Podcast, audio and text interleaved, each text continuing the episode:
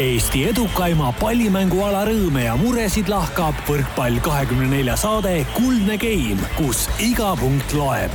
taustajõuna hoiab mängul hoogus ees Kredit kakskümmend neli tere ja ilusat esimest maid ütleme kõigile spordisõpradele Manta Maja stuudiost, kus eetrisse läheb võrkpalliteemalise taskuhäälingu saate Kuldne Game üheksas osa saatejuhtidest ütlevad sel kaunil kevadpäeval kuulajatele tere hommikust või tere päevast Karin Aldo ja Uku Rummi. tere Uku, alustame tänast saadet kohe väikese küsimusmänguga. volbripäev on Eesti rahva kalendris teatavasti nõidade ja tarkade päev, kumma alla nüüd sina kuulud? mina tulin täna näiteks luuaga väga hea aga õnneks ei ole Nõid täna minu ainus kaassaatejuhtidest, sest telefoni teel on taas meiega liitunud ka Rivo Vesik. Rivo, teatavasti on esimene mai peale volbripäeva ka töörahvapüha ja küsin sinult kui mehelt, kes teeb tööd hommikust õhtuni ja õhtust hommikuni, millisest suurriigist see tore püha on saanud alguse üheksateistkümnenda sajandi lõpus? seal, kus rahvast rohkem on see on äh, ilmselt saanud alguse Venemaal. aga vot ei ole, vot ei ole, väga loogiline vastus, eks ole. siis on Poolas, siis on Poola. ja po Poola on muidugi sinu jaoks suur riik, aga ikkagi Ameerika Ühendriikidest on saanud hoopis töörahvapüha alguse, nii et ei ole Venemaaga seotud see värk aga huvitav on see, et ameeriklased ise muide tähistavad töörahvapüha mitte esimesel mail, vaid hoopis septembri esimesel esmaspäeval, nii et Rivo ja Uku äh, täna te ei saa küll öelda, et te lähete stuudiost ära ja te ei ole targemad. saab küll öelda, miks ei saa? mina olen, mina olen alati targem, kui ma stuudiost ära lähen. väga hea. Rivo, sa, kuule, sa pole tulnudki stuudiosse ju. Rivo, jätkates sinuga, eelmisel nädalal äh, olid sa saate ajal Hiinas, nüüd oled Türgis. kas sa oled taaselustamas seda iidset siiditee värki, et äh, nagu Marco Polo, et alu-, sina küll alustasid teiselt poolt, et sa alustasid Hiinast ja nüüd oled nädalaga jõudnud Türki millega sa läksid sinna? ma tulen tagasi praegu. ei ole, ei ole seda siiditeed, siiditee värki alustamas ega lõpetamas ja noorematele kuulajatele võin öelda, et siiditee, millest räägitakse, et CD on üks selline vana helikandja, mida tänapäeval ei ole enam. ja et seda sellist teed ma enam ette ei võta, aga olen ikkagi nagu ikka tööasju, tööasju. aga kas sa oled, ütled ka venelastele, mis tähendab CD-tee, nad mõtlevad see CD, et nagu istu. palju variante on ühesõnaga aga, aga las ta jääda, sest mehed, las, las see teema jääda, ammendatud. Äh, aga tänase saatekülalise ees on meil täna küll põhjust kergitada kaabut, ütleme bongiorno ja Zen Dobri mehele, kes on kahel viimasel hooajal murdnud end absoluutsesse maailma tippu. tere tulemast Kuldse Game'i stuudiosse, mullu Trentinos ja tänavu Belhatovis Graz mänginud Rene Teppan. tere hommikust minu poolt no kuna meil on kogu pere saade ja loodetavasti ka pensionäridest kuulajaid leidub, siis alustuseks kohe üks terviseminut, et kuidas selg täna hommikul tundub mm,? mis ma oskan öelda, hommik on selles mõttes veel vara, et ei ole kere käima saanud, aga aga ütleme, et siin on saanud paar päeva puhata nüüd ja ja eks ta natukene etem jälle on ja eks see, eks see puhkus natuke ikka aitab, et et ta äh, ideaalne ilmselt ei ole, et äh, päevapeal ikkagi mingid liigutused annab tunda, aga aga, aga noh, eks, eks täna peale, peale seda äh, stuudiot siin mingi aeg ma Itaaliasse põrutangi välja uurima, et mis toimub ja ja eks ma mingeid vastuseid soovin seal saada, et et isi, isiklikult loodan, et noa alla nagu minema ei pea, et et siin viimased paar nii-öelda trenni, mis, mis hooaja lõpus teha sai ja isegi korra mängu sekkutud, et siis, siis nagu otseselt midagi hullu ei olnud, et tunda andis, aga, aga ütleme, tagasi ei hoidnud ja see nagu annab lootust ka, et, et äh, midagi nagu otseselt lõikama ei pea, et tänapäeval ma usun, see füsioteraapia ja kõik see on ikkagi nii jõuliselt edasi läinud, et äh, targad pead oskavad ka muud moodi asju lahendada. et Eesti arste enam ei usalda, et lähme käime Itaalias eee...? või on omad mehed?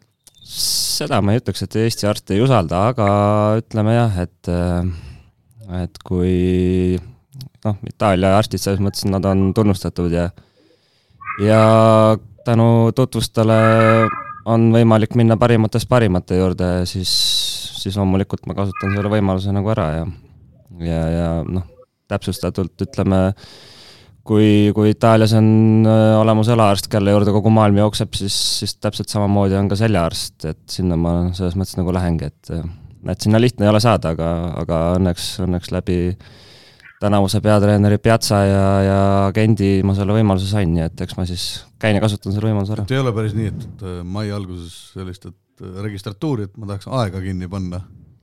ei, täitsa isegi võib helistada, aga ma kujutan ette, et see tuleb kaks tuhat kakskümmend mais, sa saad selle aja, et nagu meil siin. nagu meil siin.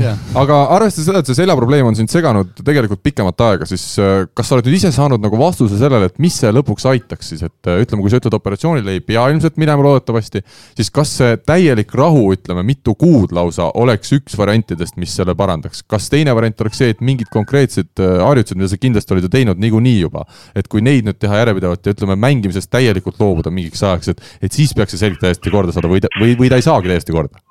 Ma ise isiklikult arvan, et kui sul on ikkagi mingisugune vigastusvuss on sees, siis tavaline puhkus leevendab olukorda, aga ta ei paranda seda, et, et selgelt ma usun, midagi on vaja teha ja ja, ja lihtsalt niisama vedeledes ta kindlasti nagu paremaks nagu selles mõttes ka ei saa, et võib-olla näiliselt ja enesetundelt küll, aga, aga siis, kui sa jälle alustad, siis kahe nädala pärast on jälle tuuga, et et sellist olukorda kindlasti ei saa, ei saa nagu lubada, et suvi äh, on iseenesest töine ja, ja noh, uueks klubihooajaks, ega see praegu paistab mägede taga, aga, aga kui sellega midagi ei tee, siis, siis järsku ongi neli-viis kuud on möödas ja oled ikka samas seisus, et et midagi kindlasti aga mis sul viga on üldse selle seljaga, kas sa tead, et viga on või sa lähed praegu välja uurima? no ma olen käinud kaks korda MRT-s selles suhtes, et äh, esimene nii-öelda MRT näitas seda, et äh, et ma küll ei oska ei oska seda nii-öelda arsti keelt rääkida täpselt, aga ütleme seal kuskil selgroo L4, L5 kuskil seal lülide vahel olid mingid närvid nii-öelda kinni, et äh, käisin Poolas ka nii-öelda ühe Poola tippkirurgi juures, käisin nii-öelda närve põletamas mingi hetk, et äh, et äh, selle, sellega tegime nagu ära, aga, aga ütleme, olukord siis nagu mingis mõttes ta muutus, aga, aga aga ütleme nii, et järgmine päev ma olin jälle trennis ja kuna meil oli esimene poolfinaal Lubega oli tulemas, siis, siis eks, eks mina ja treener samamoodi lootsime, et läheb üleöö ära, aga ega ta otseselt ei läinud, ma ütleks, et valu muutus nagu asu, asukohta, et et jah, ta, ta selles mõttes ta ei, ta ei parandanud kindlasti kõike, et, et seesama arst iseenesest ütles kohe, et jah, et võiks, võiks iseenesest mingisuguse opi teha, mis võtab taastumiseks nii-öelda kaks kuud aega, aga, aga ütleme noh ma, ma ei kiirustaks seda nuga selga lööma, et see, see paratamatult mingi jälje, ma usun, jätab ja, ja tahaks muud moodi seda asja lahendada, et nüüd ma tegin ennem koju tulekut tegin ühe MRT veel, et, et seda see Itaalia arst nii-öelda veel näinud ei ole, et ma loodan, et seal mingisugune muutus äkki on nagu toimunud, et siis ma, siis ma selleks ajaks olin paar päeva puhanud ka ja, ja enesetunne oli nagu parem, et, et vaatame, viin selle CD nii-öelda talle vaatamiseks ja vaatame, mis ta räägib. Rivo, tuleme natuke rõõmsamate no, teemade juurde. oota, oota, oota, kas sa Rivo käest küsid, et sa kuskil lastenurgas oled või? ma tahtsin täpselt sama küsida, et kas sa oled lasteaeda läinud seal Türgis, et, et seda saadet täna lindistada või? sa mingi lisaraha teenid? ei ole, ei ole, aga, aga kuna ma olen siin hotelli fuajees, tahes-tahtmata lapsed siin käivad edasi-tagasi ja no sinu... ei ole midagi teha sinu ikkagi prestiižiga mees peaks, ma arvan, hotellis nii palju saama ikkagi otsustada, et, et kui on saateaeg, siis on hotelli fuajee ühe mehe päralt ja seal mingid lapsed ringi ei jookse. ütled my, my friend is koosoleku, koosolekuruumid olid kinni kõik. Special time for me, please, quiet. aga. las inimesed puhkavad aga alustame siis äh, päris algusest. Äh, kuna meil on üks saatejuhtidest Rivo Pärnust, siis hea meelega tuleks sinu juurte juurde Äh, ole hea, meenuta natukene oma lapsepõlve, sa oled pärit Pärnumaalt Selja külast, paarkümmend kilomeetrit vist Pärnu linnast. milline seal ühe poisslapse elu oli siis ütleme esimesel kümnel eluaastal? tegelikult äh, väga õnnelik, ütleks, et äh, et sattusin sinna väiksesse külla elama õigel ajal, võib vist nii öelda, et äh, minu ümber oli väga palju äh, eakaaslasi, kas siis noh, ütleme kaks-kolm aastat vanemad või nooremad, et meil oli niisugune üks suur punt ja ja, ja nad ei olnud küll kõik spordimehed, aga, aga noh, kuna punti tahtsid ju kuuluda, siis, siis ikkagi pandi ka need mehed ja, ja isegi tüdrukud. Pandi ka jalgpalli või korvpalli või mida iganes tegema, et selles mõttes meil oli, meil oli lahe punt ja meil seal kahesaja elanikuga külas ei olnud nagu selles mõttes kunagi igav, et, et oli, oli jalgpalli mängimist ja korvpalli mängimist ja. aga mitte võrkpalli? no võrkpalli vara. natuke ka, aga, aga jah, ütleme, et natuke vara ja ütleme, võrkpall ikkagi nõuab natukene, natukene füüsist ja kõike muud ka, et, et tollel hetkel lihtsalt jalgpall tundus nagu lihtsam ja ja noh, palli väravasse enam-vähem tajub igaüks nagu ajada, et selles suhtes sama, sama lugu korvpalliga, et nii, nii palju meil rammu oli, et pall nagu rõngani ulatada, et et selles suhtes väga, väga jah, selles mõttes tihe ja sportlik oli see lapsepõlv seal, jah. tundub, et Rivo hakkas seal äh, lasteaias korda lööma lõpuks, aga ma just tahtsin siinkohal tervitaks kõiki jalgpallureid ja korvpallureid. aga, aga kas sinul siis ütleme, lapsena oli eesmärk äh, või unistus saada, ütleme, jalgpalluriks, korvpalluriks, mäletad sa mingeid selliseid mõtteid või? no kui nüüd täitsa nulli minna sportlaste algusesse, siis ma alustasin tõstmisega tegelikult ka? kui vara? kas su eeskujuks oli Rain Annuste?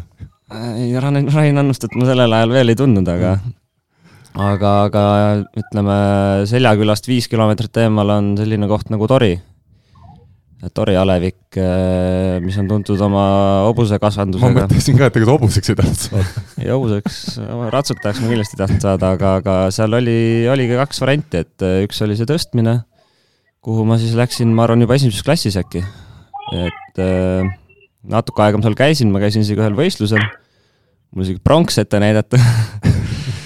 Mis kaalus?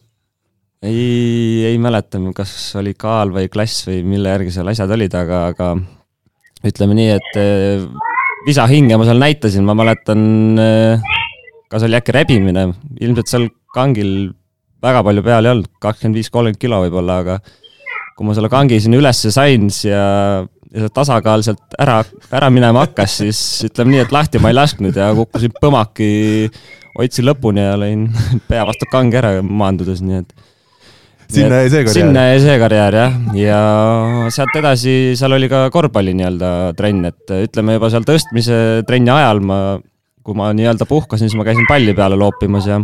et korv, korvpallitrenni võeti need mehed, kes on pea vastu kange ära löönud? jah yeah., et äh, sealt edasi jah, ma siis sattusin kas aastaks kaheks äkki korvpallitrenni, et, et ma olin seal ja, ja seesama korvpallitreener mingi hetk ütles, et äh, äkki prooviksid võrkpalli.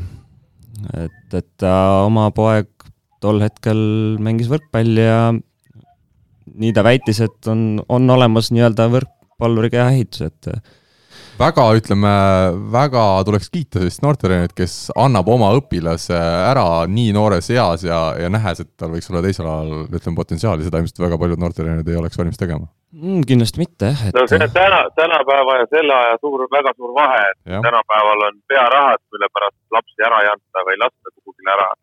siis ilmselt sellel ajal seda ei olnud ja veel vähem seda ilmselt oli seal Seljakülas, et äh, et ma arvan, et tollel ajal inimene ja treener ei mõelnud mitte selle peale, et kuidas raha teenida selle lapse pealt, vaid mõtleski selle peale, et kuidas oleks lapsel nagu parem. kuldsed, sõnad, kuldsed sõnad. Või eks oli, Rene oli lihtsalt nii kehva korvpallur, et öelda, et äkki proovid midagi muud. See on teine variant, öeldi viisakalt, et sul on võrkpalluri kehaehitus aga ütle, millal sa siis võrkpalli juurde jõudsid, oli see siis, ütleme, ongi teine-kolmas klass kuskil või? Ja Pärnus? ei, ei, ei, ei, äh, neljas klass, ma arvan, oli see jah, et äh, siis ma veel käisin, käisin nii-öelda seal Selja koolis veel aasta edasi ja igapäevaselt hakkasin siis nii-öelda linna trennis käima, et seal oli, vanematel oli suur roll, kes nii-öelda igal õhtul tulid mulle see kakskümmend seitse kilti järgi, et äh, noh, okei okay,, kuna ema on olnud juba Sindi muusikakooli direktor mm, ma usun, seal kakskümmend pluss võib-olla isegi aastat, et siis tal nagu selles mõttes ei olnud see nii üle mõistuse pikk tulek, aga, aga esimene aasta jah, sai nagu ikkagi kõvasti nii-öelda reisitud, et et järgmine aasta juba sai minna linna, linnakooli selle nimel, et, et viimane klass mul jäi lõpetamata Seljakoolis, et läksin, läksin linnakooli ja siis, siis nagu muutus kõik natuke loogilisemaks, et küll jah, varakult iga hommik kuus kolmkümmend üles, seitse bussi peale ja ja siis kooli ja ütleme, et see peale kooli see auk ikkagi tekkis ka igapäevaselt, seal ütleme, mingisugune kolm tundi suurt midagi teha ei olnud, et äh, ootasid trenni ja lihtsalt äh, tiksusid oma aja kuskil täis ja ja, ja nii ta, nii ta käis, et käis kuni kaheksanda klassi lõpuni selles mõttes, et äh, aga, aga jah, eks, eks mingid perioodid olid ikka selles mõttes ka rasked, et oli sõprade, sõprusringkonnas oli näiteks jalgpallureid ja nemad nii-öelda reisisid vahepeal päris huvitavatesse kohtadesse ja noh, eks noorele poisile ikka, et tekkis nii mõnigi selline diskussioon, kus ma, kus ma ütlesin, noh, nüüd ma tahaks ikka jalgpallitrenni tagasi minna tundus nagu äge ja käidi välismaal ja aga, aga noh, ema, ema oli häärapeine ja, ja selles mõttes seda käiku nagu ma ei teinud, jah. nii et võib öelda, et ema, tänu emale sa jäid võrkpalli juurde, et see ei olnud selline armastus esimesest silmapilgust, et vaatasid ja kohe ja kohe hakkas meeletult meeldima, et see mingitel hetkedel oli see ikkagi natukene vastu, mitte kas nüüd vastu tahtmist, aga et olid ka muud huvid. Olid ka muud huvid, just, et äh, ma ei ütleks, et vastu tahtmist või et ta ei olnud armastus esimesest silma, silmapilgust, aga ütleme, oli nii-öelda ka teisi jah, selles mõttes noh, nagu ikka, noore, noore poisina täpselt ei tea ise ka, mis tahad ja, ja selles mõttes, eks ma juba olin ju käinud ka seal aastaid, et see järjepidevus nagu noorele inimesele, ma arvan, on niisugune kõige suurem väljakutse, et ja et, aga, esimeseks, esimeseks treeneriks ütleme, et tegelikult äh, kogenumad, parimad noortetreenerit vist annab, annab vähe, annab, annab leida, see, kes sul oli? jah, mul oli au veel olla nii-öelda Johannes Noorme õpilane ja, ja tema pundis ma seal olin ja mäletan, kui esimest korda sai trenni mindud üldse, siis, siis juba peale esimest trenni kahe päeva pärast sõideti võistlustele, et et see oli jah. oli juba treenitud küll. Läks nagu kiirelt jah, et äh, eks, eks, eks pärast seda selles mõttes see, kogu see üritus läks üle kivi, kivide kändude ja, ja, ja et kogu aeg pidi, on nagu mina pidin oma asjade eest võitlema, et kunagi ma kuskile nii-öelda põhisse või kuhugi nagu ei saanud selles suhtes, et oli, oli palju teisi noori kutte, kellel oli eeldusi või, või mida iganes alati rohkem, et ma pidin alati oma aega ootama ja lihtsalt töötama ja ja, ja lihtsalt tegutsema. ütleme ausalt, et nii-öelda Johannes, teades tema niisugune rahulik selline äh, no, rahulik, väga rahulik treener ja teades sind noorena, mismoodi see, mis, mismoodi see kooslus nagu käis, et kes keda õpetas? et ei, mitte et kes keda õpetas, ma arvan, et nii-öelda üksik andis väga hästi teada, mida ta oma asjadest arvab ja kus ta peaks olema.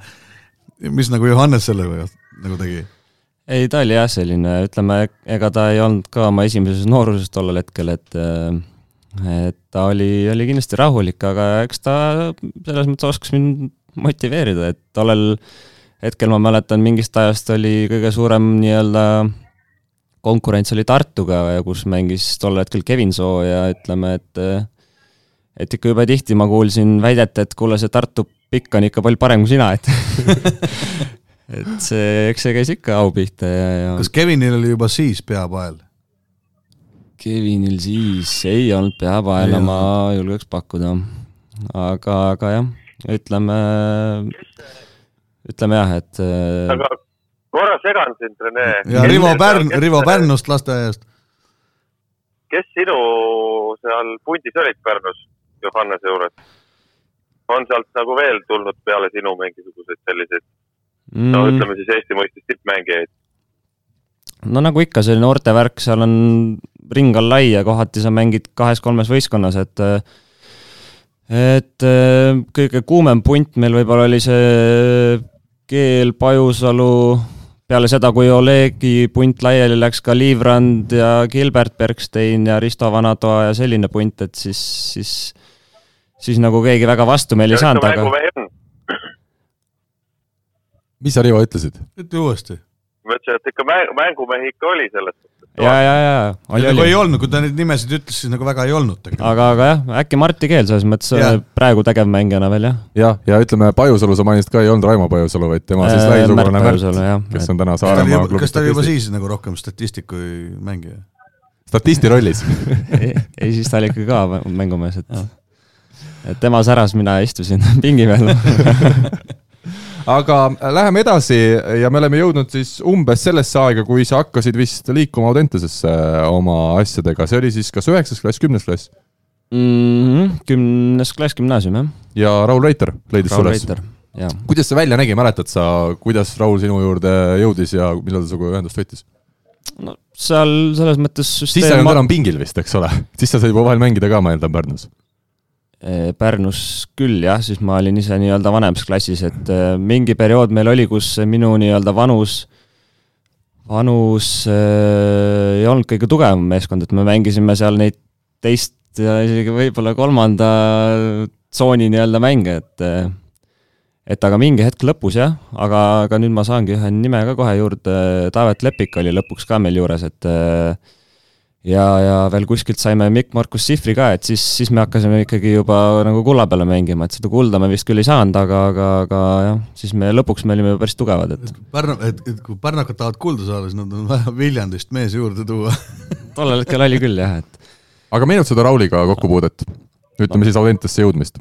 no eks nad üritasid äh, tookord ka, et võimalikult palju noorte nii-öelda koondise mängeid kokku tuua ja ja ma mäletan, minu jaoks oli Audentes oli ikkagi selles mõttes unistus, et et minu jaoks oli jah, ma ootasin seda kutset ja ma mäletan väga hästi, kui, kui see nii-öelda kutse nagu tuli, et eks mul ikka jalg värises korralikult, kui Raul helistas, et see oli väga-väga-väga meeldiv nii-öelda üllatus ja, ja et äh, eks nii, eks nii ta läks, et sai, tuli see kutse ja, ja ja, ja lihtsalt mingi hetk läksidki sinna nii-öelda kooli, ma ei mäleta, kas olid katsed kahtlen, pigem mingi vestlus, ma arvan, et, et ja nii ta läks, jah.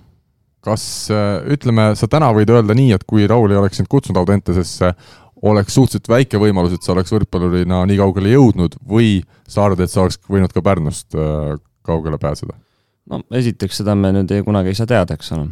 aga, aga ma arvan, et äh, Audentese aeg kindlasti oli, oli vajalik, mitte ainult võrkpalli, vaid kogu elu mõttes, et seal äh, seal oli, oli teistmoodi, sai kodust ära ja sai juba nagu selles mõttes noh, naljaga pooleks sai natuke seda kodust eemal elu nii-öelda hakata elama, et eh, eks kõik see võtab ka aega, et ma ei olnud kindlasti kõige rahulikum ja nii-öelda viisakam kutt, et äh, eks seal kooli ajal samamoodi. küll me selle teema juurde veel jõuame. ja siin on tänase teemades sees täitsa, aga okay. kas sa seal jõudsidki Robert äh, Tähega said sõbraks või see oli juba natukene varem kuskil koondise aega? ei, meie ikkagi juba noorteklassides kuskil Aa üksteisega vastamisi, jah? üksteise vastamisi. siis alguses... oli see sõprus kindlasti natuke teistsugune.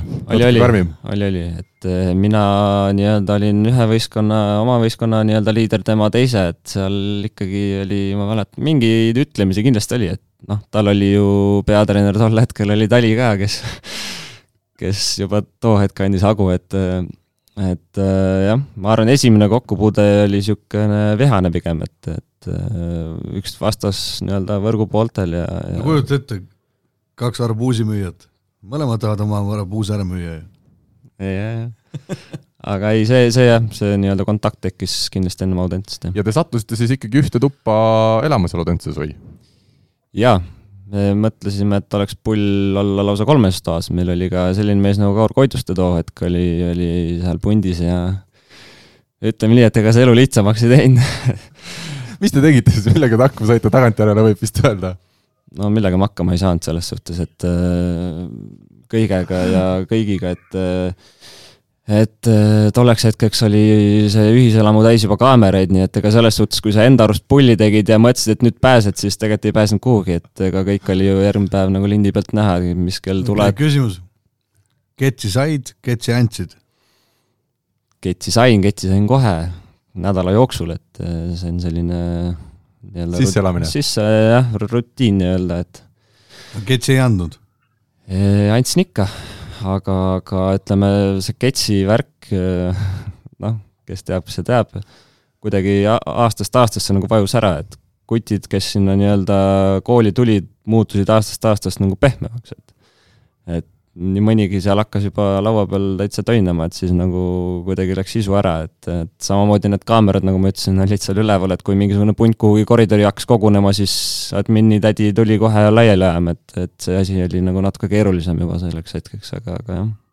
no siis sul vedas, tänapäeval ma kuulen siin, nii-öelda catch'i andmise eest visatakse ühik, ühikast välja kohe silma pilgutamata, nii et noh, nagu ma ütlesin, et kogu see üritus on natuke pehmemaks tundub muutunud, et aga räägi, mis teid Robiga seob siis või ütleme, milles see sõprus peitub, kas ongi need kaks äh, tulihingelist äh, inimest, et see teeb selle sõpruse või on teil mingid sellised konkreetsed hobid, huvid, mis teid ühendavad? ma arvan, et kõik kokku, et äh, noh, loomulikult iseloomud ja kõik nagu klapib ja, ja ütleme noh, tänaseks päevaks on olukord selline, kus me nagu teatud teemadel me selles mõttes, me ei peagi arutama, me lihtsalt mõtleme ühtemoodi ja ja, ja saame üksteisest aru sõnaga lausumata, et et, et kindlasti, et me oleme, ma arvan, mingis mõttes kindlasti väga sarnased, et mitte küll üks-ühele ilmselt, eks igalühel on omad, omad nii-öelda vimkad, aga, aga, aga ei jah, selles mõttes me jah, klapime, ma arvan, üldjoontes iga, iga nurga pealt, jah.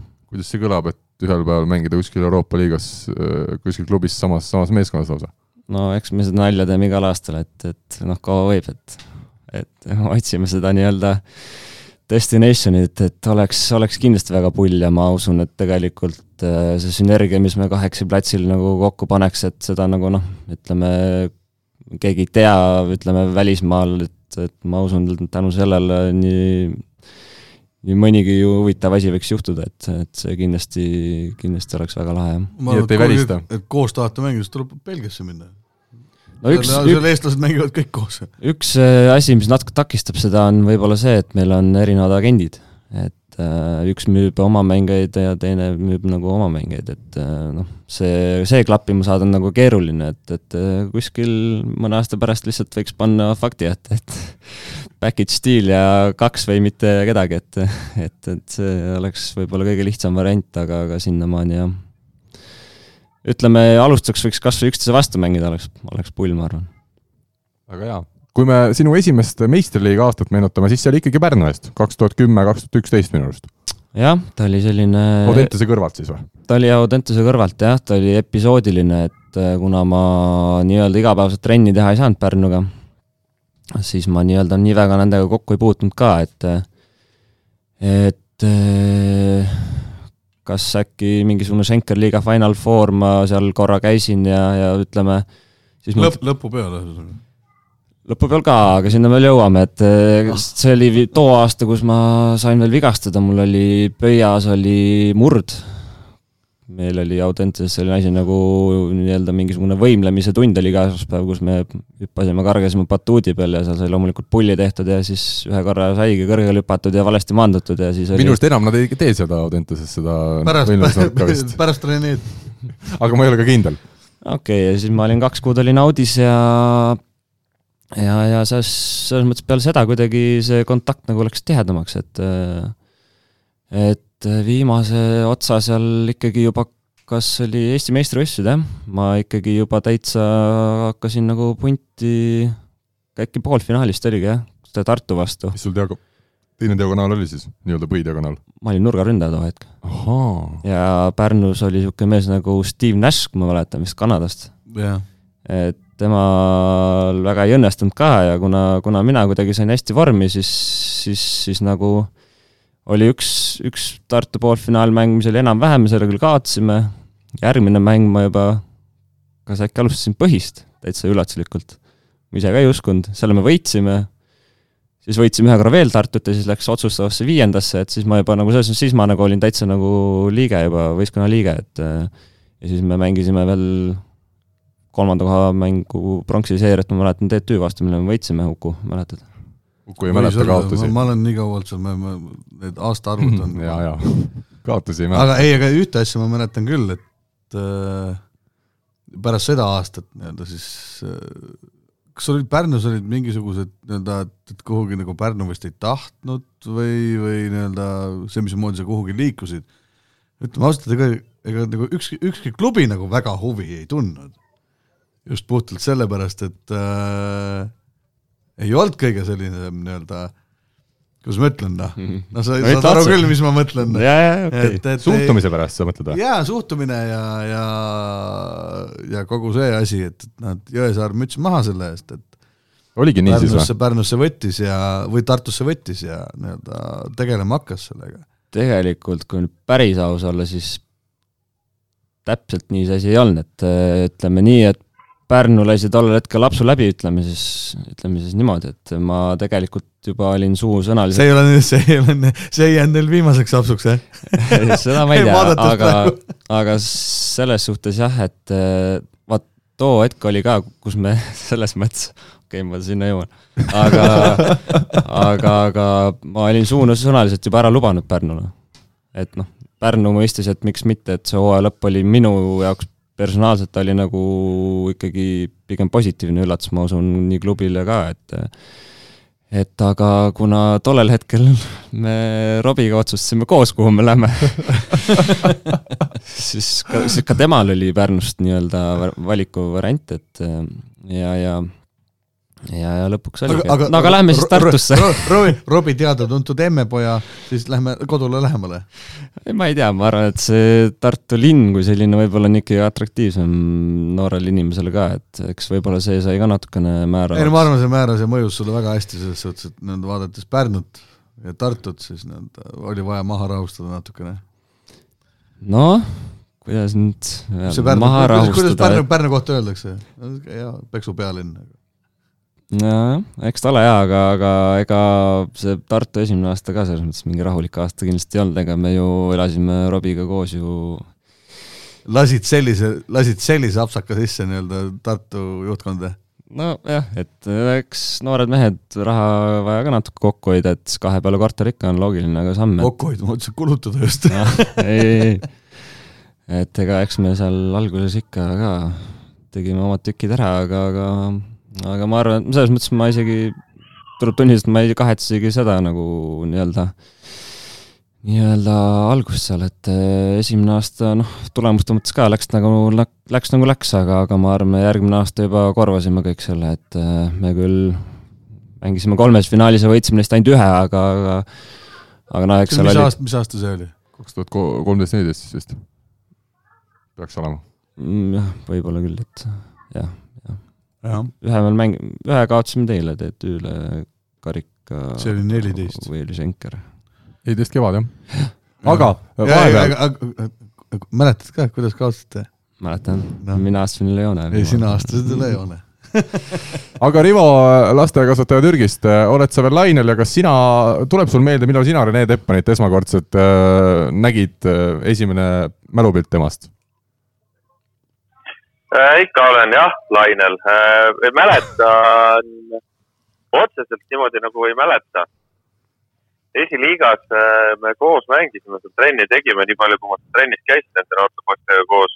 nii, aga, aga otseselt nagu nii ei mäleta, et, et noh, et nüüd tuli keegi ja siis oleks midagi seal, et äh, kõik oli sihuke nagu ikka selle Audentesega oli, et iga aasta tuli mingisugune hunnik peenikesi pikki poisse ja, ja eks nad olid kõik seal enam-vähem ühesugused.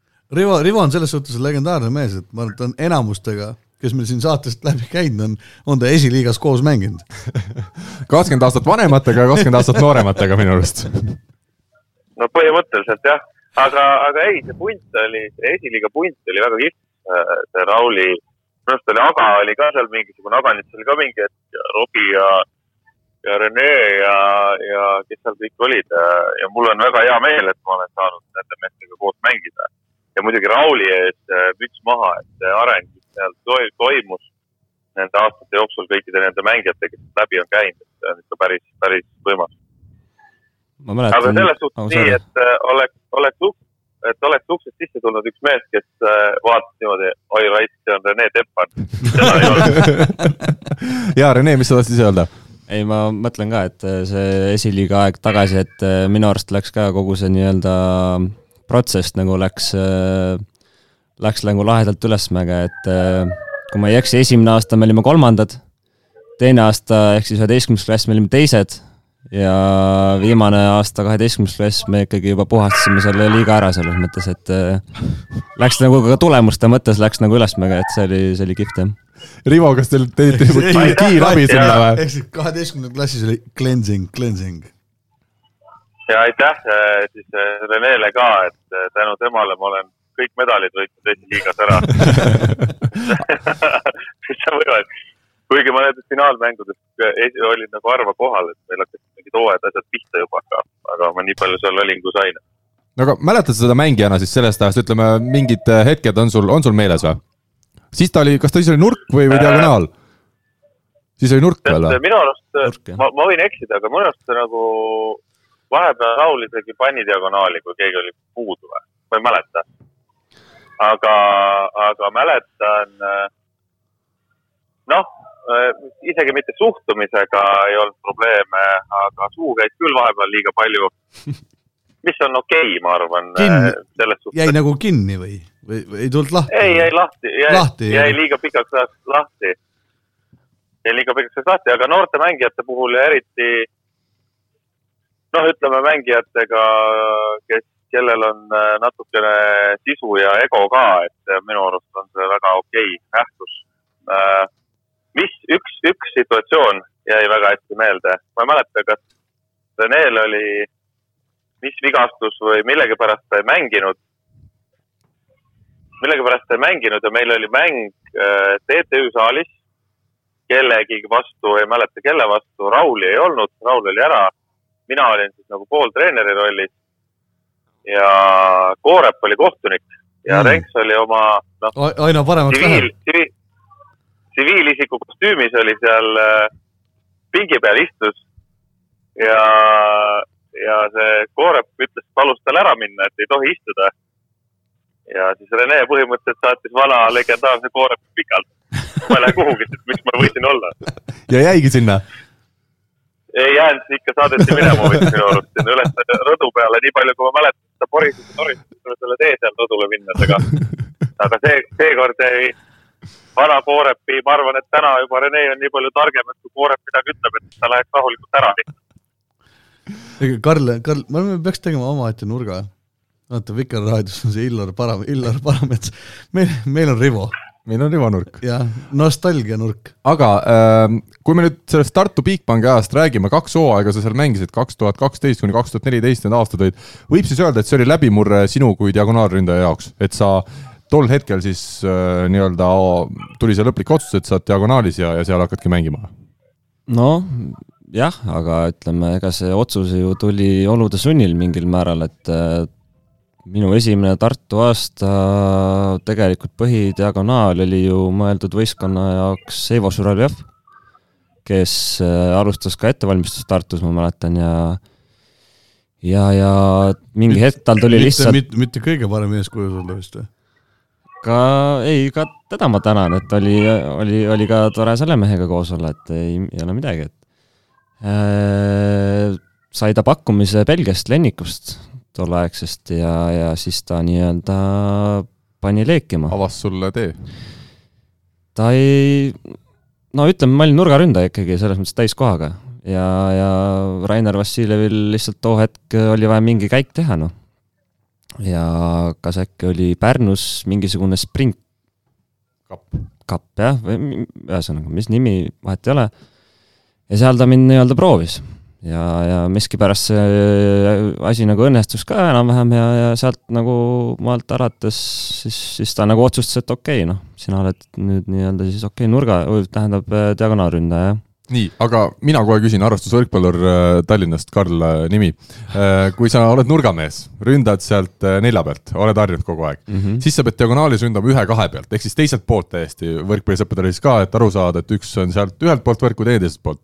see on ikkagi täiesti nagu erinev, erinev ülesanne, et kui mind vahepeal diagonaali pannakse, siis me kaotame selle game'i üldiselt kümme, viis, kümme, kakskümmend viis. no ma arvan, vahet ei ole, kuhu sind pannakse no ja nurgas me kaotame viisteist, kakskümmend viis, et selles suhtes on õige muidugi, aga, aga kuivõrd erinev äh, see, see mängija roll, noh, lisaks veel, eks ole, vastuvõtt, aga mõtle just seda rünnakut, kas, kas sinul ei olnud seal vahet, kust rünnata?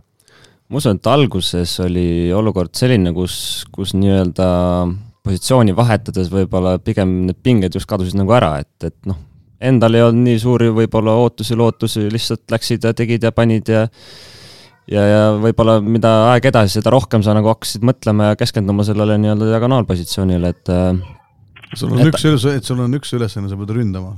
jaa, aga, aga kui, muretsema, kuidapidi ei-, kuidamoodi, et noh, ei pea muretsema nii-öelda servi vastuvõtu pärast ja ei seda küll jah, et äh, ütleme noh, kui sa ikkagi keskendud ühele või teisele, eks, eks ta ikkagi selles mõttes on lihtsam, et mul on tuua vastupidine näide näiteks selle hooaja algusest, kus äh, poolvõistkond oli MM-il Belhata vist ja, ja tuli olude sunnil jällegi mängida natuke nurgaründaja positsiooni enne hooaega. ja oli, oli turniir, kus äh, ma mängisin esimese mängu, ma mängisin nurgaründajana. sai nagu selles mõttes ma mängisin oma kaks-kolm nädalat seda, et sai nagu täitsa rütmi sisse, kõik oli okei okay ja siis teises mängus äh, juba tuli niimoodi tegutseda, et pool mängu nurgaründajana ja pool diagonaalina. no ja meistrite liigas me jõudsime siis lõpuks nii kaugele, et sa olid põhimõtteliselt nurk, diagonaal, tempo, kõik kokku jaa, et tolles mängus ma mäletan, oli, oli, siis oli nagu tõesti oli raske nagu mängu sees kohaneda ümber, et, et see oli minu jaoks tõesti oli probleem, et ja viimane mäng diagonaalina täitsa juba läks nagu juba aia taha selles suhtes, aga okei okay,, ütleme, mis seal olid, võistkonnad olid ka ikkagi korralikud Berliin Friedrichshafen, et noh, nende vastu ikkagi ei ole lihtne Ähm, läheme edasi, äh, kuna meil hakkab äh, juba nelikümmend minutit saama täis saatest, siis äh, peame liikuma. Liitusid sa siis välismaal esmalt ühe Itaalia klubiga, Alto Tevere oli vist see klubi ja, ja seejärel mängisid kaks aastat veel Innsbrucki eest. millised need aastad olid ja mida need sulle õpetasid?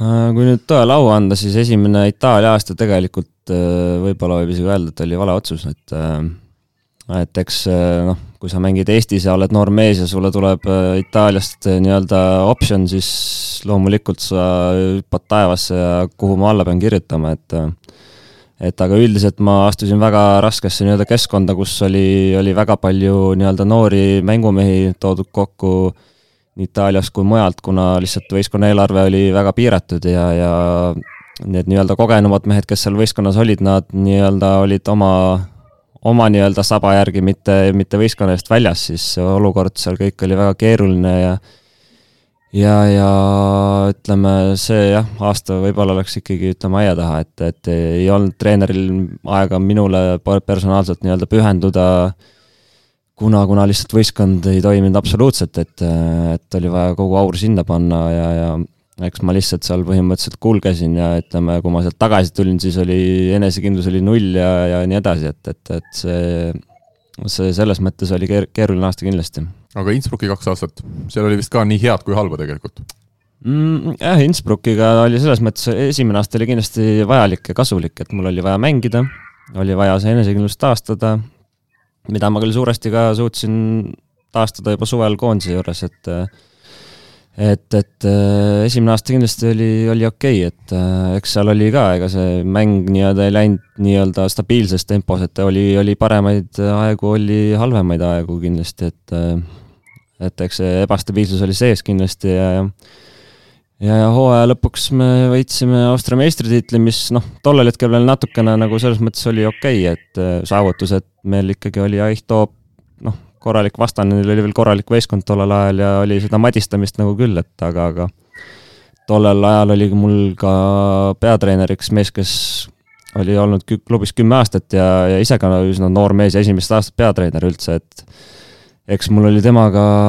kana kitkuda seal pidevalt ja selles mõttes ma nägin ära, et tegelikult teiseks aastaks ei oleks mõistlik siia jääda, kuna ma juba nägin probleeme ette ka järgmiseks aastaks ja aga kuna klubi kasutas selle nii-öelda pluss üks äh, võimaluse ära, siis ma sinna jäin ja ütleme noh, see teine aasta oli selles mõttes, ta oli keeruline, et äh, võib-olla need tulemused, mida klubi oot-, ootas ja lootis, äh, võib-olla ei läinud nii, nagu, nagu tahtsime ja ja selles mõttes oli, oli ka seda olelusvõitlust selle treeneriga, nagu ma eeldasin ka, et et jah, võib-olla teine aasta oleks pidanud kuskil mujal olema juba aga läheme edasi ja hakkame vaikselt jõudma sinna, kuhu me jõuda tahaksime oma jutuga, ehk siis eelmine aasta Trentino. kui sa vaatad eemalt, siis võrkpallis Trentino on ikkagi selline unelmate sihtpunkt, kus ilmselt iga võrkpallur tahaks mängida. kas äh, see, kui sa Trentino huvist kuulsid, oli jälle seesama moment nagu mõned aastad varem seal Altute veres, et, et kuhu ma alla pean kirjutama või sa siis juba mõtlesid natukene rohkem ja kauem? ei, sama moment oli jah, et äh, noh, Trento on Trento ja, ja eks, eks ju kooli ajal ka ju, kui me hakkasime seda päris võrkpalli nii-öelda seal gümnaasiumi ajal nagu jälgima, siis ju Trentino söögi alla, söögi peale, et nad ju valitsesid maailma tollel hetkel ja ja, ja loomulikult kohe, kuhu ma alla pean kirjutama ja ja selles mõttes, kuigi neil võib-olla see nii-öelda eelarve on väiksem kui hiilgeaegadel, siis tegelikult see kogu see süsteem ja kogu professionaalsus, kõik on nagu sama, et, et, et see on ikkagi täitsa uskumatu lugu ka, ka peale Belhatovit, ma ütleks, kõige uskumatu lugu, kuidas asjad lihtsalt jooksevad äh, nii lihtsalt ja tegelikult seda tööressurssi või inimressurssi seal klubis ei ole nii meeletult palju, aga lihtsalt äh, inimesed teevad oma tööd südamega ja kõik, kõik nagu nii-öelda toimib, et, et väga-väga-väga-väga äh, professionaalne ja ja noh, tõestuseks kas või ütleme, oli meeskonnakaaslasi, kes on mänginud ka mujal tippsatsides, kas või brasiillasest olümpiavõitja Eder Carbonera kes mängis näiteks Sada Cruzeiros Brasiilias, mis on ka täiesti uskumatu klubi, aga ütles, et äh, organisatoorse poole pealt ei anna midagi võrrelda Trentoga, jah. kui sa võrdled Belhatovit ja Trentinot, mis need kõige suuremad erinevused on ja kas, kas on neid suuri erinevusi? no nagu ma just ütlesin, asja ajamine, ütleme, tegelikult seal on jah, et äh, Trentos äh, ikkagi tehakse asju kohusetundlikumalt, ma arvan, et, et et äh, raha, raha on mõlemal klubil, see on selge, aga, aga võib-olla ütleme, Trentol see süda on nagu õigemas kohas, et, et tehakse nii-öelda kõik ühise nii-öelda asja nimel tööd ja ja, ja noh, mis ma oskan öelda, nagu ma ütlesin, raha, raha seal nagu selles mõttes kummaski klubis ei loeta, aga, aga, aga ongi, et et Trento ikkagi oma, oma suure südamega selles mõttes on eeskujuks kõigile, ma arvan. Äh, kas see ka sinu kui mängija jaoks luges ah,, nii, Rivo, Rivo Türgimaalt ja. Äh, on saanud lasteaia pidamise kõrvalt äh, sõna, nii, kuulame äh,.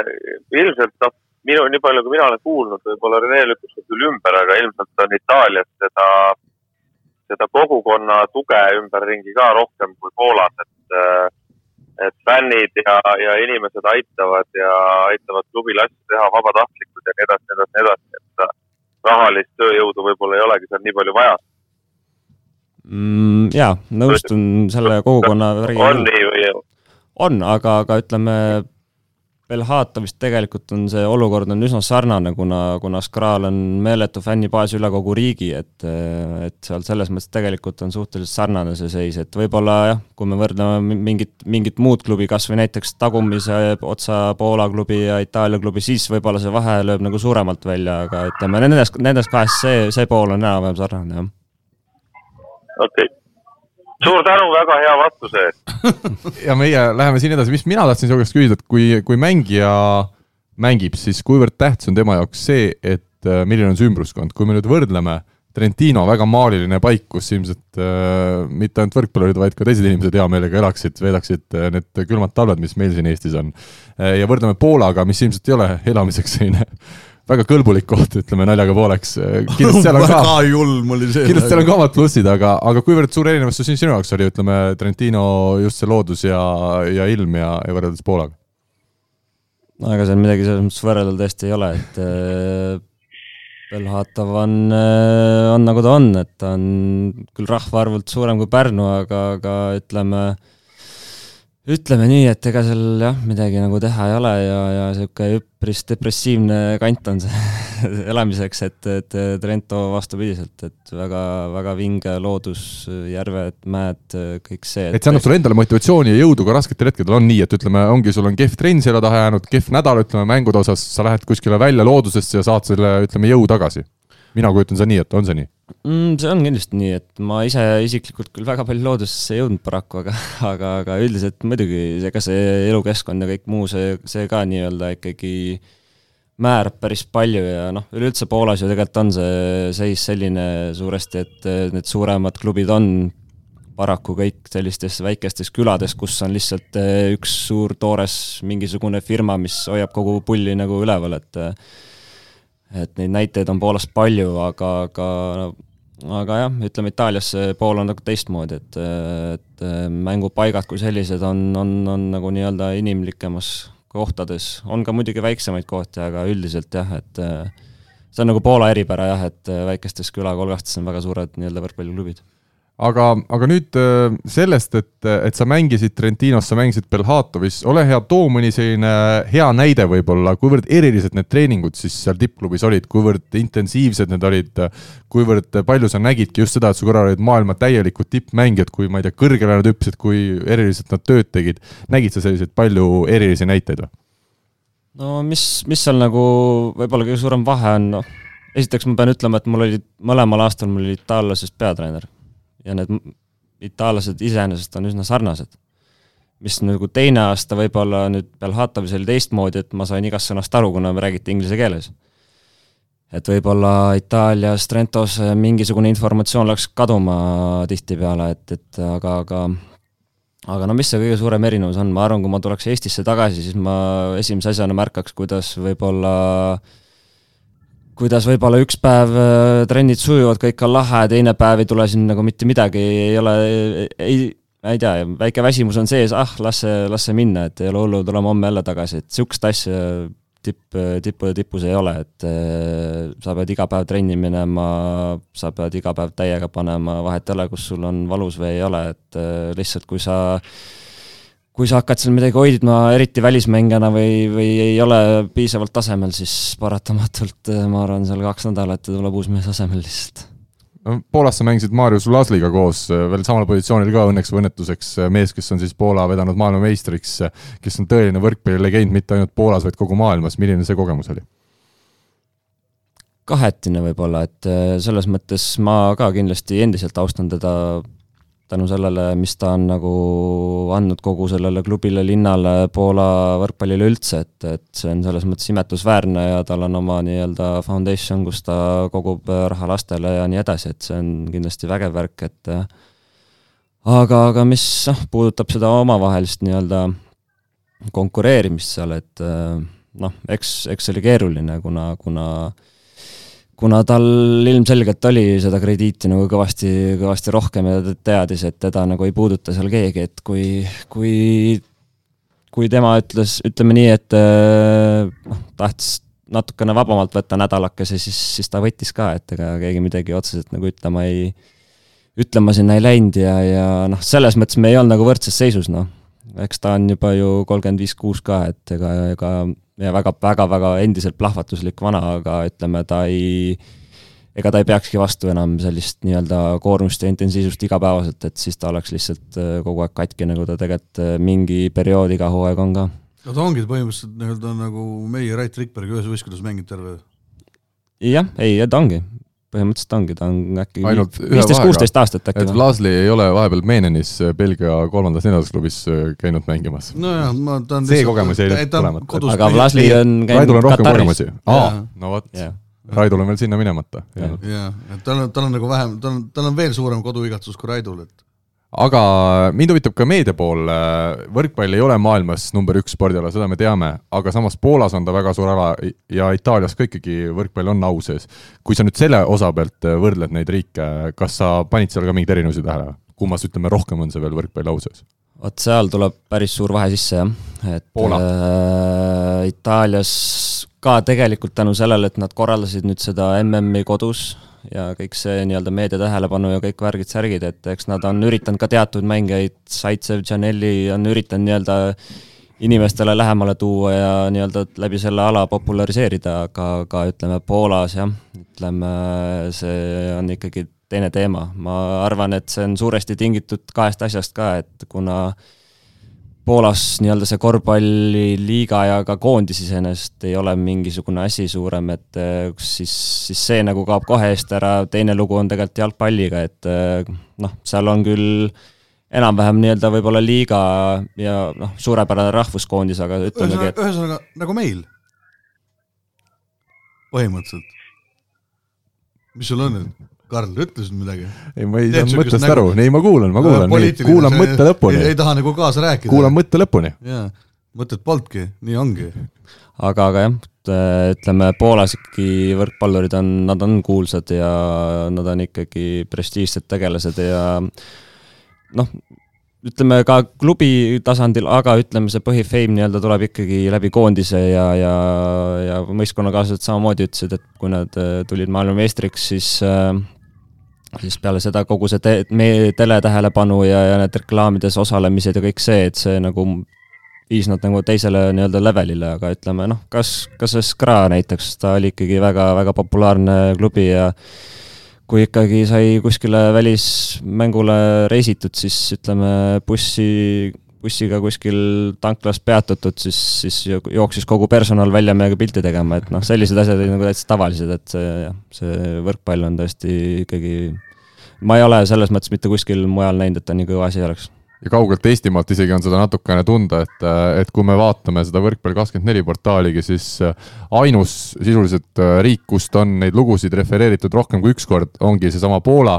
seal on erinevad ju võrkpalli isegi leheküljed ja, ja isegi Poola ajakirjanikud on kirjutanud mulle, et oh, et kuule, et me tõlkisime su loo ära, et ole hea, vaata üle ja et ja seal veel paar kohta, et oleks see nagu tõlgitud veel õigesti, et et sihukest asja, noh, Andrus Raadiku puhul on meil Soomest üks näide tuua, aga seal keegi ei küsinud, mis ma kirjutasin, et seal oli ilmselt jah, tehti nagu tehti, aga et Poolast jah, on seda isegi siit kaugelt näha, et, et, et see huvi ala vastu on suur, eriti kui sa mängid Belhatovis kraas, et, et siis iga, iga sõna, mis sa ütled, see, see, see pakub inimestele huvi. aga kuna meil on juba viiskümmend minutit täis saanud ja rohkemgi, siis kiirelt veel koondisest, samamoodi nagu Lasliga sa võitlesid Belhatovis, on sul Oliver Venno kõrval koondises, see duell on vist natukene sõbralikum, ma saan aru? ei, igal juhul, ma arvan, et äh, Olkuga meil on väga hea klapp selles mõttes, et äh, et meil ei ole probleemi, ma usun, et kumb mängib ja nii edasi, et äh, siin koondises me ju ajame selles mõttes ühte asja ja, ja Olku, ma arvan, on väga mõistlik vend, et äh, mängin mina eesolvu tema, mängib tema eesolvu mina, et ma arvan, nii see selles mõttes asi peakski käima, eriti rahvuskoondises, et äh, et jaa, ma arvan, me klapime hästi ja, ja ja ma arvan, et eh, Eestil on tore, kui on kaks, kaks nii-öelda pommitajat võtta, kellel parem päev on, see mängib ja noh, niimoodi on ju super luks. aga kuidas sa ise tundsid ennast siis, kui eelmisel aastal nüüd Oliver oli samal ajal väljakul ja nurgaründajana, kas see andis sulle kindlust juurde justkui sa teadsid, et sul on kõrval noh, sellised mehed isegi vist korraga olid kui Täht ja, ja Venno veel ründamas, et väga, väga võimas ründekolmik oli meil. või oli sul endal mingil määral just raskem, et sa teadsid, et sa võib-olla nii palju tõsta ei saa sellistel hetkedel või? Mm, sellega on niisugune lugu, et ma ei ole olnud üldiselt niisugune mängija, kes, kes vajab mingit teatud tõstete arvu nagu vajab, et, et on vaja nagu hädasti täis saada, et äh, loomulikult sa pead mingit tööd saama, et äh, noh, diagonaalina, kui sa tõsteid ei, või tööd ei saa, siis paratamatult enesekindlus ja kõik see nagu ka natuke kannatab, aga üldiselt äh, ma ei pane kunagi pahaks, kas on endal näiteks natuke kehvem päev või, või kellelgi on lihtsalt nii hea päev mujal, et et äh, ma selles mõttes ei, ei ole eriti kade, aga, aga too hetk, kui me olime kõik seal koos väljakul, ma arvan, et äh, see andis kõigile kindlust, et mitte ainult mulle. noh, kui sul on sellise leveliga mees veel kõrval platsi peal, siis on ju, siis on ju väga vägev, et see andis meile igal pool palju juurde, plokis, rünnakul, servil, noh, mis iganes, et äh, see, see oli tegelikult väga lahe käik Gretu poolt ja ja ma isiklikult arvan, et seda käiku tegelikult ei tohiks ära unustada, et, et see võiks olla niisugune päris hea jokker meile ka tulevikus. kas sa julgeksid välja tuua Venno sellised äh, suured tugevused mängijana, olles tema kõrval koondises aastaid äh, olnud ja tööd teinud? ma arvan, et äh, noh, selge on see, et tal on ju gabariidid ja kõik see on ju, ju noh, ideaalne ja, ja noh, kõik see tehniline pool ja kõik äh, on ju väga-väga-väga hea ja ma arvan, et üks kõige nagu suurem trump võib-olla on see, et ta, ta ei ole niisugune pabistaja tüüp, et ta väga ei mõtle, kelle vastu ta, ma arvan, mängib, et äh, ma arvan, et isegi pooli vastaseid ei tea, keda ta võiks, võib-olla võiks teada. Et äh, ma arvan, et ta vabal ajal väga palju võrkpalli ei jälgi, et et äh, jah, ma arvan, et see võib-olla ongi selles mõttes tema äripära, jah sel aastal sinu treener oli Roberto Piazza, itaallane. sa mingil hetkel hooajast ütlesid, et, et olid sellised ajad, kui sa isegi lifti ei tahtnud kahekesi väga ära mahtuda, et need suhted ei olnud kõige paremad. kuidas need suhted paremaks läksid ja, ja milline see seis lõpuks oli siis?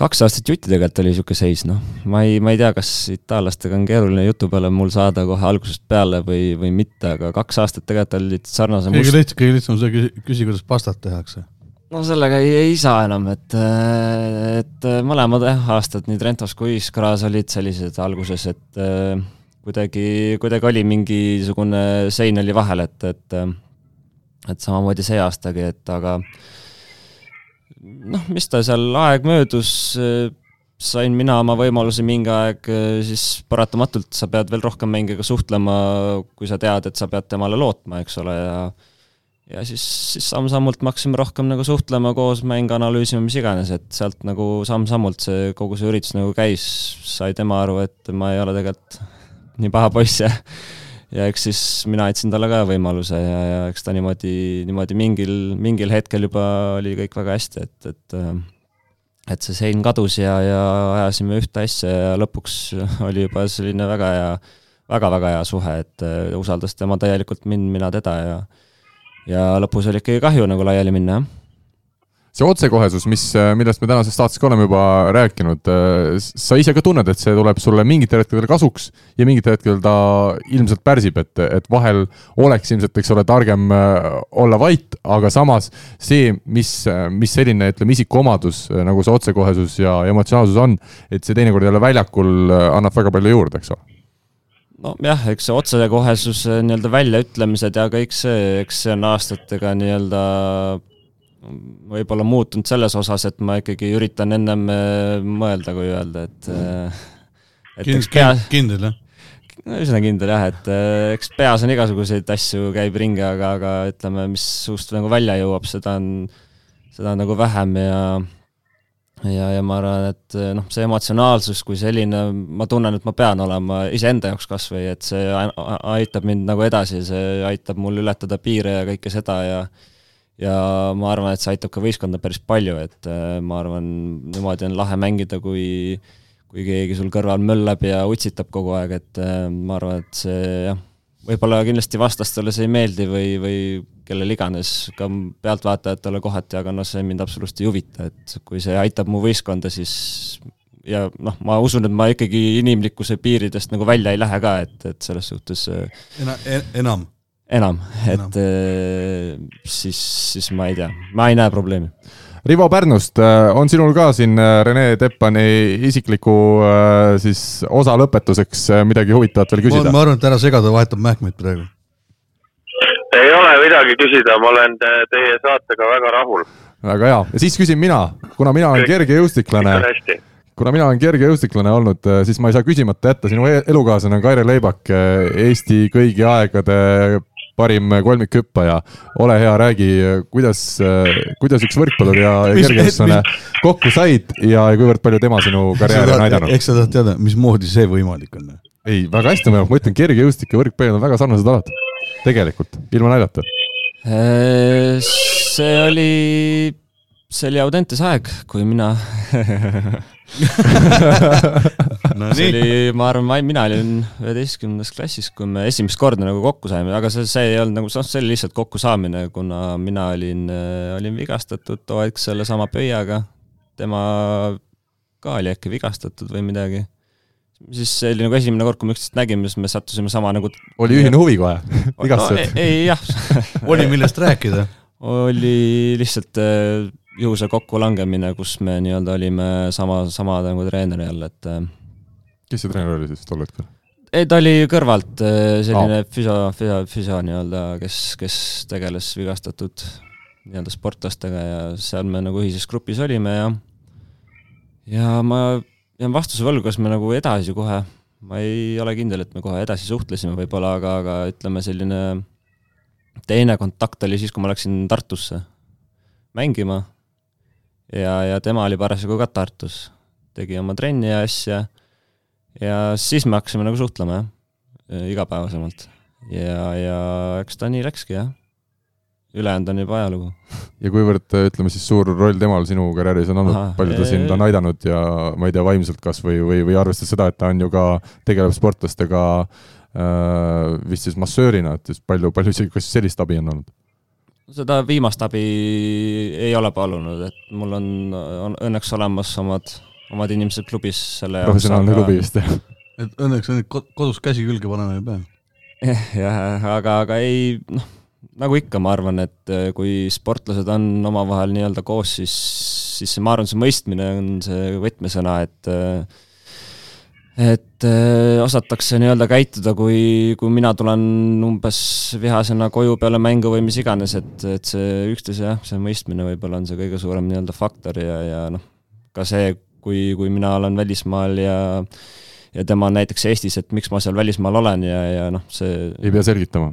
et ei, noh, ei pea selgitama jah, ja, ja on nagu selline mõtteviis, et noh, ei ole maailma lõpp, ütleme siis nii, et palju tema sind on mingite treeningute osas, ma ei tea, kergejõustiku, kergejõustiklasena endisena midagi aidanud, olete koos mõelnud midagi sellist ka või? tegelikult ei ole selles suhtes, nagu ma ütlesingi, ta on, mina ei sekkunud tema tegemistesse, kuna ma ei ole ju kergejõustiku nii-öelda professionaal ja tema ei ole võrkpalliprofessionaal, seega seega tema ei ole nagu minu tegemistesse sekkunud, et eks, eks, eks me mõlemad oma nii-öelda elu alal oleme ajanud oma asja ja, ja ma arvan, et see on ka okei okay,, et nagu eks loomulikult arutame vähem või rohkem, et mina olen ilmselgelt nagu suurem spordifanatt kui tema võib-olla. mäletad seda, kui ta näiteks Pekingi olümpial võistles? See on hea küsimus, ma olin tore, tore lugu. enam, enam koju ei lähe, enam koju ei lähe. ei, sa olid viisteist. võib-olla mäletan, võib-olla. oot, Rivo, Rivo ütles midagi. kas Rivo ütles midagi? käisin isegi va-, käisin isegi vaatamas seda, mäletan väga hästi. ahaa, nojah, sul see Pekingi olümpia endal läks nii, nagu ta läks, eks ole. siis oli aega vaadata ja. kõike. jah, teistel läks paremini väga hea, kas Rene tahtis veel midagi lisada? Ei, ma ütlesin, et eh, vaatasin, ei vaadanud tõesti, hetkel ei mäleta, olümpiat kindlasti jälgisin, aga, aga kas seda võistlust konkreetselt võib-olla, võib-olla vaatasin, ta oli ikkagi ka, ma arvan, ikkagi lootus Eestile. hea, hea koha eest, jah, jah, jah, et äh, nii et tõmbame esimesele saateosale teema, joone alla, tervitame Kaire Leebiku, Leebakut siinkohal ja läheme edasi. võrkpall kahekümne nelja küsimusmängu toetab Sportland Nonii, ja Sportlandi küsimusmäng, eelmisel nädalal oli siis küsimus ähm, seotud Tamar Nassariga ja küsisime ühe huvitava küsimuse, millise kevadest tuntud nime pidi Tamar Nassar endale esialgu saama ja vihje oli siis meil natukene eksitav. vihje oli täi-, vihje oli täiesti vale. Uku, ise sa andsid selle vihje. ei, ei andnud, sina, sina ütlesid selle välja, ma, ma lihtsalt läksin kaasa sellega. sa läksid kaasa sellega. ma pean vabandama oma vanemate ees, et, olnud, et ma sellise jama läbi lasin. ütleme siis nii, et ei olnud Ukule see nimi, mida alguses taheti panna, mitte Joosep, vaid hoopis Joonas. jah ja lõpuks tuli Uku. aga õige vastus, Tamar Nassari nimi pidi siis esialgu olema hoopis Joosep äh, Nassar aga, aga ei läinud nii. õnneks ei läinud. vastuseid tuli meil mitukümmend äh, näiteks osad ütlesid Arno ja, ja üks lausa kommenteeris, et täitsa Arno nägu ei saagi muu variant olla. üks pakkus Külvo ja, ja üks, üks inimene pakkus ka Teele. Külvo? no vot. Kevade? jah, et ühesõnaga variante oli erinevaid. kes oli Külvo Kevades? võib-olla Ivo. režissöör Re Külvo Kevad, oligi, nimi oli Külvo Kevade. õige vastus oli ühesõnaga Joosep ja Rene, ole hea, sina ütle üks number ühest kaheteistkümneni, et äh, saaks võite teada. valin oma selle aasta särgi numbrit kolm Karl-Erich Juhkami tervitame Õhtulehe ajakirjaniku ja Martti Juhkami onupoega, siis äh, lõpuks ometi ta selle särgi endale sai. Karlile peab vett peale tõmbama, vastuseid tuli mitukümmend. ja vastuseid tuli ka, õigeid vastuseid tuli kaksteist ah,. Okay. enamus pakkusid teile. täpsusta, täpsusta. nii Eesti koondise särk koos nime ja numbriga läheb siis ähm, äh, ajakirjanikule, aga uus küsimus on seotud Rene Teppaniga ja küsimus on siis järgmine Rene jõudis kahe tuhande kolmeteistkümnenda aastal Eesti juunioride koondise liidrina maailmameistrivõistluste finaalturniirile. küsime, kes toonasest suure saavutuseni jõudnud e-, meeskonnast on hiljem esindanud Eesti täiskasvanute koondist? vastused saab saata info et võrkpalli24.ee või siis võrkpalli24.ee Facebooki lehe sõnumitesse ja taaskord paneme siis välja ühe Eesti rahvusmeeskonna ametliku mängusärgi. ja täpsustuseks vastuseid võib olla mitu. kindlasti. Pahv lööb pahviks ehk nädala tegija aga nüüd siis äh, Pahv ennustusportaali äh, rubriik äh, Nädala tegija ja kolmas koht Ingrid Kiisk, seitse häält Facebookis võrkpalligrupis saab siis iga nädal hääletada. teine koht Markus Keel, Austria värske meister, kaheksa häälega. Ja esimene koht siis ülekaalukalt Robert Täht, sada nelikümmend üheksa häält. Ja siin ei ole vist üllatust ka, sellepärast et Robert Täht on jõudnud Türgi liiga finaalis null kaks kaotusseisust välja tulla ja selle seeria kaks-kaks viigistada seal siis vastamisi Izmiri Arkas ja Istanbuli Fenerbahce, kuna meil on täna külas üks mees, kes natukene Robit ka tunneb, siis Rene, ütle, oled sa jõudnud neid mänge vaadata ja millise mulje sulle need ma arvan, ma arvan, et Robbie sai sellepärast nii palju hääli, et see peatreener tahtis kellelegi ära vajutada. jaa, olen, olen jälginud ja ütleme, et kuna oma hooaja lõpp läks nii, nagu ta läks, siis ma natuke juba ootasingi, et see pull läbi saaks, et saaks rahulikult normaalset sporti vaatama hakata siis äh, jaa, olen äh, natuke jälginud, eile, eilset mängu vaatasin algusest lõpuni, et äh, mis ma oskan öelda, ütleme see seeria selles mõttes on olnud äh, täie raha eest, et äh, kolm-kaks, kolm-kaks, kolm-kaks, nüüd küll kolm-null, aga, aga mis nagu ma ise oma peas mõtlen just selle Fenerbahce poole pealt, et äh, see kolmas mäng, kus neil oli variant see asi ära lõpetada, olid kaks-null ees ja siis tõmmati lihtsalt äh, pulga komm suust välja, ma arvan, et see ikkagi sõi neid päris kõvasti ja noh, loomulikult au, au Arkasele, et nad, et nad sellest seisust suutsid välja tulla, et et äh, ja eilne mäng juba näitas minu arust ära ka selle võiduvõtme just äh, Izmiri poole pealt, kus, kus lihtsalt kõik mehed, kes väljakul olid, oli näha, et nad ajavad ühte asja ja, ja, ja see nii-öelda see punt kui selline oli lihtsalt nii tugev, et, et kui on, kui sul on väljakul selline nii-öelda kooslus, kõik lihtsalt panevad ühe asja eest, siis, siis sellist võistkonda on üli-üliraske võita.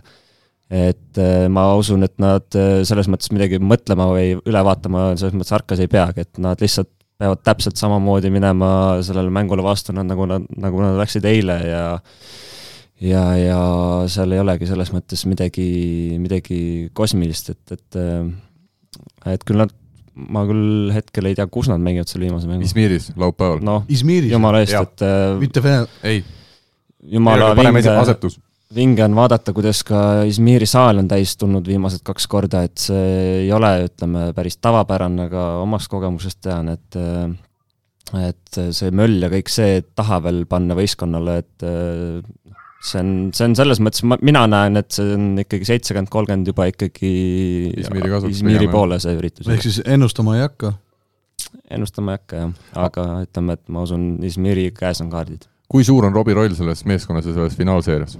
no see loomulikult on nii loll küsimus. üüratult suur selles mõttes, et äh, nagu ta ise ka on öelnud ja nagu ma olen teda ka kõrvalt vaadanud, tundes teda aastaid ja aastaid, siis siis on näha, et ta on äh, üritanud olla rollis, kus ta nii-öelda käib platsi peal ringi, rahustab seal mehi, jagab nõuandeid, et nagu selline, nagu ta ise ka mainis, et selline kogenud mängija roll, et, et ähm, et äh, eks, eks see, see ongi võib-olla tema poolt üks suurimaid nagu nii-öelda ülesandeid, et eile ma küll numbreid ei ole veel vaadanud, aga, aga tundus, et ka rünnakul ja servil ja mujal oli see asi nagu päris hea, et, et ma ei tea, kas, kas ta noh, on teada, et ta on selles mõttes vigastatud, hetkel ta mängib vigastusega, et, et kas äh, peas natukene kuidagi on tal vabamaks see, see nii-öelda teadmine läinud, et ikkagi midagi ei juhtu otseselt, kui ta seal nagu ka mängib, et, et mingisugune võib-olla vabanemine on peast tekkinud, et tänu sellele on ka nagu mängupilt paranenud, et, et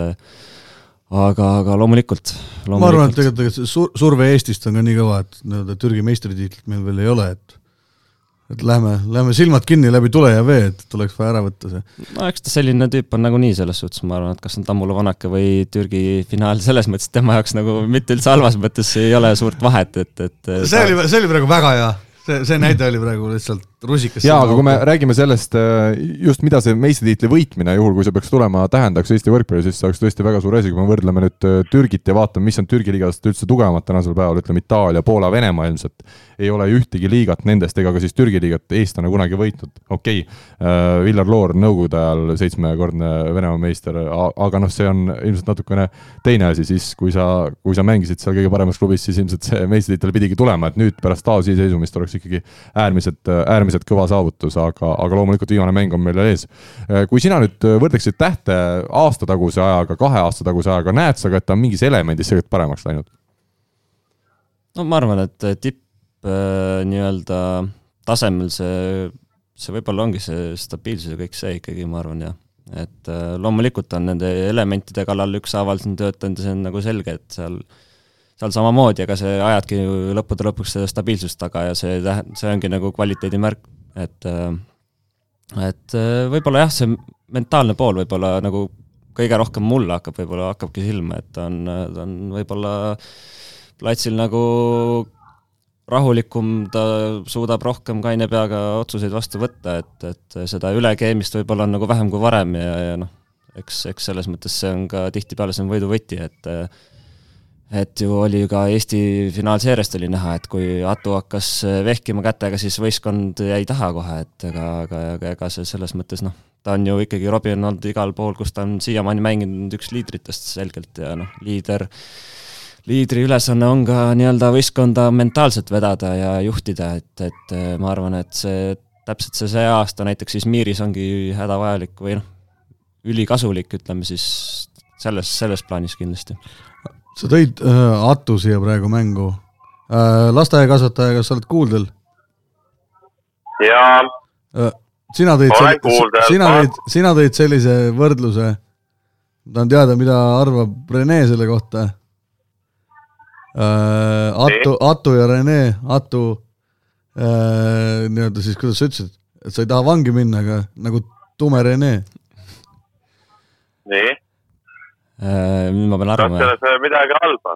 ei, no ei olnudki midagi halba, ma tahtsin nii-öelda, mis Rene sellest võrdlusest arvab mm,? on sarnasusi? võib-olla on küll jah, et äh, eks ma ka kindlasti ehkisid kätega? ehkisin kindlasti kätega jah, ja kui, kui midagi läks halvasti, siis oli keegi teine ilmselt süüdi, et, et noh, mis, mis nagu ka, ma ise olen ka nagu õppinud, et ütleme, ma ei ole viimased paar aastat üldiselt ikkagi võib-olla keegi vaidleb vastu, aga ütleme, kui ikkagi rünnakul eksin või midagi sellist, et eh, siis, siis nagu ikkagi ma raputan endale tuhka pähe, et, et tihtipeale ma näen, kuidas minnakse sidemängijale kõri kallale, et oi, mis tõste või mis asi, et aga ütleme, oleme ausad, mustvalgelt on asi ikkagi selline, et kui pall on üle võrgu, siis see on, on see ikkagi ründaja teha, mis sa selle palliga teed, et kas sa okei okay,, mingid pallid tõesti ongi, ongi kehvad ja, aga no ütleme, üldiselt minu filosoofia on see, et sidemängijaga näiteks äh, esimesed kaks kuud, kui sa ei, ei ole inimesega kokku puutunud, loomulikult sa räägid, suhtled nii-naa, aga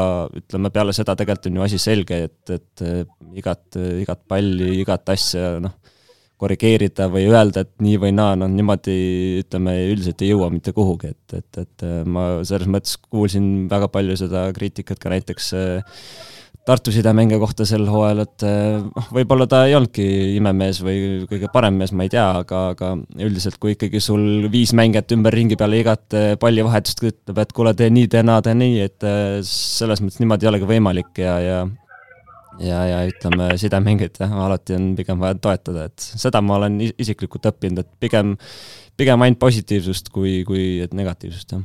aga aitab sellest teemast aga, ja aga, ei aita, Rivo, jaa, Rivo, okei. okay.. Karl, korra veel kiiresti, vaatasin eile mängu siinsamas Türgi telekast näitas otse mängu ja mis oli minu jaoks äh, väga hea märk ja väga hea asi, olid Robbie servid.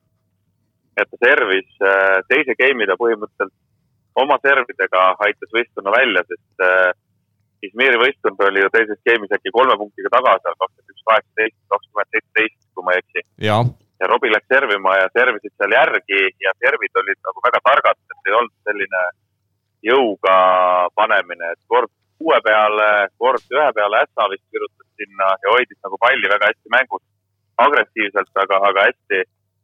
ja teine asi, rääkides ratust, sattusin täitsa juhuslikult temaga kokku Tallinna lennujaamas nagu, nagu ikka. väikene, jah, ja väikene selline võib-olla, võib-olla selline kuulujuttude rubriiki minev, et mees lendas nädalaks Itaaliasse.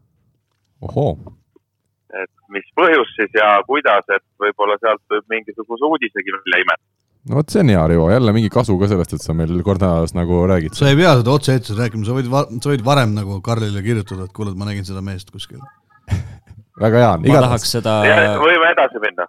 Ma tahaks eh, tegelikult eh, seda Rivo juttu täiendada veel seda, seda servi poolt, et eh, panin ka tähele ja ja jah, olen nõus, et targalt lahendas ja osavalt, aga, aga seal ongi, ma arvan, point on see, ka varem selles seerias on olnud nii, et et äh, Fenerbahcel on ju ka selgelt, neil on kaks rünnakuliidrit ja minu kui ma ei eksi, siis üks nendest rünnakuliidritest on tagaliinis, kui Robbie servib, see kubakas ja. Oliva.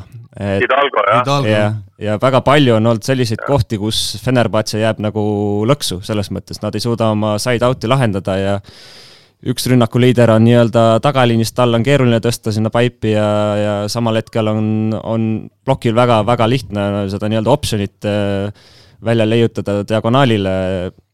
et äh, sellel hetkel, kui võistkonnal on rasked seisud, et äh, on ka vara, varasemalt on nii, kus Arkas on olnud seal kolme-nelja-viie punktiga maas, aga, aga kui sealt nii-öelda kaks korda nii-öelda saadakse stopp, siis, siis lihtsalt ei olegi vaja muud teha, kui serv üle panna, et siis, siis neil on juba jaanika-paanika nii-öelda. aga aeg jookseb peale ja võtame ette saate viimase osa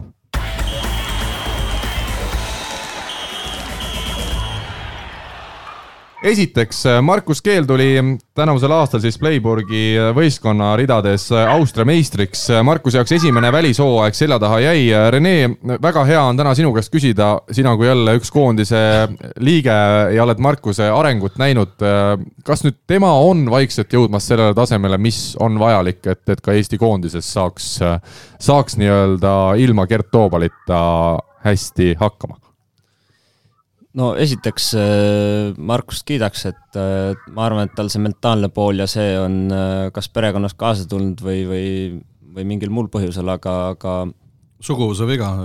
võimalik jah, et tal on see päris tugev minu arust see pool, et ma huviga tahaks teda tegelikult näha nüüd peale seda esimest välishooaega, et mis ta talle täpsemalt nagu andnud on, et äh, kindlasti see kodust eemal olek ja see iseseisev elu ja kõik see on teda kasvatanud inimesena eelkõige, ma arvan, ja ja loomulikult välisliigas on kõvasti raskem mängida kui Eesti liigas, seda ma tean ise, et et aga, aga noh, selge on ka see, et äh, eks tal tuleb kõvasti tööd teha, noh kas või see mängutarkus või, või mis iganes, et, et tegelikult see võrkpall ei ole nii keeruline mäng, kui võib-olla tundub, et äh, asi on lihtsalt äh, lihtsates asjades kinni ja, ja teinekord on lihtsalt äh, nagu ka Gert Toobal ütles siin üle, üle-eelmine saade siis.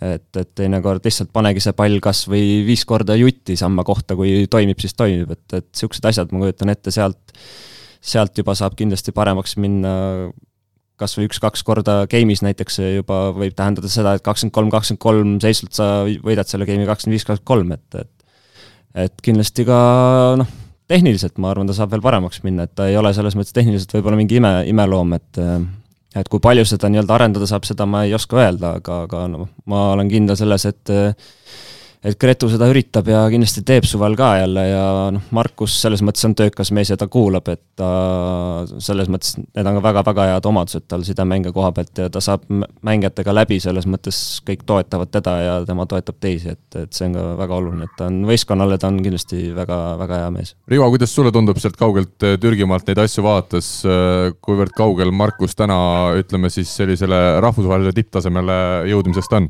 Pane korraks laps käest ära ja vasta küsimusele Äh, tead, ma ausalt öelda, ausalt öelda ei oska kommenteerida. Pole näinud nii palju? ma ei ole jah? näinud seda mänge. ei ole näinud jah, ja ma ei julgeks siin äh, hakata selle koha pealt sõna võtma, aga, aga kui ta on äh, rahvusvahelises liigas ikkagi põhisidemängija, siis, siis midagi temast peab olema ja midagi temast nähtakse, et, et noh, Gert Toobaliga võrrelda kedagi täna Eestis on ikkagi raske ja, aga, aga ma arvan, et isegi ei peaks, et et äh, iga sidemängija on omamoodi ja omamoodi käekirja, et äh, kui, kui Markus, eks, eks ole näha nüüd nendes Eesti koondise mängutes, et kuidas tal on ja, ja mina usun, et äh,, mina usun, et temast saab kindlasti asja. niisama nalja pärast kedagi kuhugile välismaale ei võeta aga võtame järgmise teema ette. Eesti meister selgus siis naiste arvestuses eelmisel nädalal ja finaalseerias lõi siis tiitlikaitse Tartu Ülikool Bigbank mängudega kolm-üks Uku Rummi suurt armastust TalTech Tradehouse'i. võiks muidugi pikemalt rääkida sellest eilsest lõpupeost, mis siis TalTechi meeskond ja naiskond koos pidasid ja. seal ei ole midagi rääkida ahah, enne saate algust oli küll pikalt rääkida, aga enam, enam ma saan aru, jutud on kõik räägitud. kägu sa ajad. igatahes Uku jõudis sinust otse, otse sündmuselt stuudiosse aga kui me sellest finaalseeriast räägime, siis esiteks mina tahaksin üldse neid kõiki kõiki eranditult äh, finaalseerias üldse Eesti meistrivõistlustel osalevaid äh, mängijaid äh, kiita. Nad kõik teevad seda ju põhitöö või kooli kõrvalt, keegi raha selle mängimise eest ei saa ja seepärast on see meil, meil, meil kindlasti ei tea, ei saa, tähendab, Rikandiga juttu ma väga ei usuks, seal kindlasti saavad. no Rikandi me võime kunagi saatesse kutsuda ja need asjad läbi arutada, aga, aga ühesõnaga noh, selge on see, et keegi rikkaks Eestis, Eesti liigas mängimisega ei saa ja need naised, kes seda tööd teevad ja need medalid võidavad, on kindlasti väärt seda kiitust. teine asi on nüüd see, et kui ka seda finaalseeriat vaadata, ega see tase nüüd ikkagi ei, ei, ei ole teab mis kõva et kui me vaatame kasvõi. ja sellepärast see tase ongi selline. jah. sellepärast see tase ongi need selline. on üksteisega absoluutselt puhtalt emotsioon, nii-öelda emotsiooni saamise mõttes käiakse trennis ja käiakse mängudel ja äh, ja kui mängudel käiakse, ei tulda sinna lihtsalt teeme selle mängu ära, ikka tahetakse võita aga samas on ju Eesti, ütleme, naiste võrkpalli seis on ikkagi läinud paremaks, seda on meil hea meel tõdeda, juba praegu on ju umbes kümmekond Eesti naisvõrkpallurit mängimas välismaal. Ja, ja eks nad kõik on ju kord siit Eestist alustanud, et, et see Eesti naiste võrkpalli või siis äh, ka tüdrukute võrkpalli hetkeseis ei ole kindlasti midagi super head, aga samas äh, need välismaale minejad ikkagi eesotsas kasvõi Kertu Laagiga tõestavad, et, et siit on võimalik äh, seda nii-öelda algust, algust teha ja ja, ja kui me sellest finaalseeriast räägime, siis kokkuvõttes vist äh, Tartu ikkagi oli parem ja, ja lõpuks, kas me seda viimast mängu vaatame. ei vaata, ärme vaata, ärme vaata. Ingrid Kiisk ja Adesso Deiko, Tartu rünnakuliidrid äh, hoidsid oma asjad korras ja sel juhul ikkagi, kui nemad olid ülesannete kõrgusel, ei, ei olnud TalTechil äh, lihtsalt piisavalt palju võimu ja oskusi. ei no puhtalt sellepärast, et noh, Kristjan, et sul järgmine aasta töö oleks alles, et Marko lihtsalt tuli vastu sulle väga hea ja meil oli plaan tegelikult Kristjan Kais ja, ja Marko Mett ehk siis võistkondade peatreenerid ka tänaseks äh, siia saatesse kutsuda mõlemad, aga kuna Rene oli olemas ja samal ajal Kristjan ei saanud siin täna hommikul Tartust kaugele-kaugele Tallinnasse tulla, siis äh, loodetavasti prioriteed, prioriteedid on täiesti paigast. saame teinekord siia, aga tänase saate viimane teema, Eesti U seitseteist meeste või siis poistekoondis osales Argo Meresaare juhendamisel Euroopa meistrivõistluste valikturniiril. saadi siis vaid üks võit, see tuli Taani üle ja Taani riigi võrkpallist ei ole mina ausalt öeldes enne midagi suurt erilist kuulnud. Tauno Lipu peab saatesse kutsuma, tema on mänginud seal. ja kaotasime siis Rumeeniale ja Sloveeniale, ütleme mängudes äh, põnevust justkui jagus, aga samas Kargo Meresaar tunnistas pärast seda turniiri, et ega see noorte seis meil väga hea ikkagi ei ole selles vanuseklassis, et üks liider oli küll puudu, aga kokkuvõttes ta tõi väga hea näite kui sul on koondises mängijad tulevad ja sa näed treeningul, et nad ei oska ristsammu teha plokki liikumisel, siis on ikkagi kuskil mingid asjad paigast ära, kui meil koondises sellised mehed mängivad. jaa, aga siis tuleb tõmmata kõne sinna, kust see noor mängija pärit on. ja eks, eks sellele sai ka seal ja natukene seda tähelepanu juhitud. U kuusteist tüdrukud äh, Anatoli Kuprianovitšiga eesotsas siis äh, mängisid samal ajal Euroopa meistrivõistluste valikturniiri ja, ja saadi siis seal Prantsusmaa, Ukraina ja Austriale neljas koht võideti või tähendab, äh, saadi kolm punkti lõpuks ja ja ega U kuusteist koondise tüdrukutel ka ütleme siis seis on suhteliselt sarnane nagu aastavanematel poistel, et, et midagi väga erilist praegu selles vanuseklassis äh, öelda ei ole, et äh, et tööd tuleb kõvasti teha, on ilmselt see kokkuvõttes see märksõna, mida, mida siin tuleb lausuda. minul on üks küsimus selle asja kohta, lugesin mõlemad, mõlemad artiklid läbi ja üks küsimus, kas see tuli nagu nüüd Argo Meresaarele üllatusena? kas see on esimene kord, kui on juttu sellest, et noh, tehniliselt on eestlased kehvemad ja nii edasi, nii edasi, nii edasi. et äh, Uku ütles õigesti, mul sama mõte, et me peaksime siis ju vaatama, kustkohast need poisid tulevad ja tüdrukud ja mis tööd seal tehakse. kes on need treenerid, mida nad teevad, kuidas nad teevad.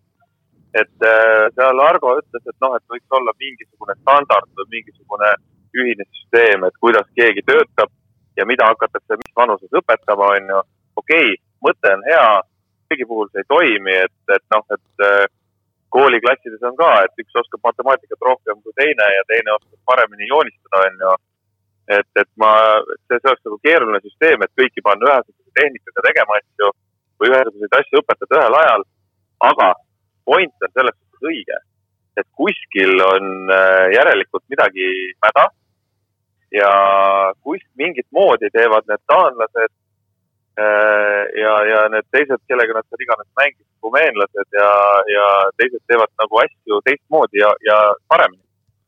sest ma ei usu, et Taanis on rohkem materjali, paremad äh, mingid lapsed, kes nagu tehnikat paremini omastavad.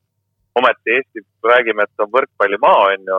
et äh, minu arust on siin kaks nagu varianti, kas ei taheta või ei julgeta küsida nende noorte treenerite käest ja nemad kas ei taha või ei julge vaadata peeglisse. seal ei ole isegi Rivo küsimise asi, võt-, võtan sinu sõnad suust ära praegu. no pikemalt siin suu lahti teeks, siis nii-öelda neid solvujaid oleks väga palju. aga. aga äkki see, äkki see ei, ma lihtsalt, ma, nagu ei, ma lihtsalt tahan seda, ma tahan, ma, ma tahan seda öelda, et äh, prioriteedid on mõnes kohas paigast ära. no ongi puhtalt Äh, mitte ei ole kvaliteedi tegemine, vaid on puhtalt cash'i tegemine või siis nii-öelda raha peal asjad väljas, et.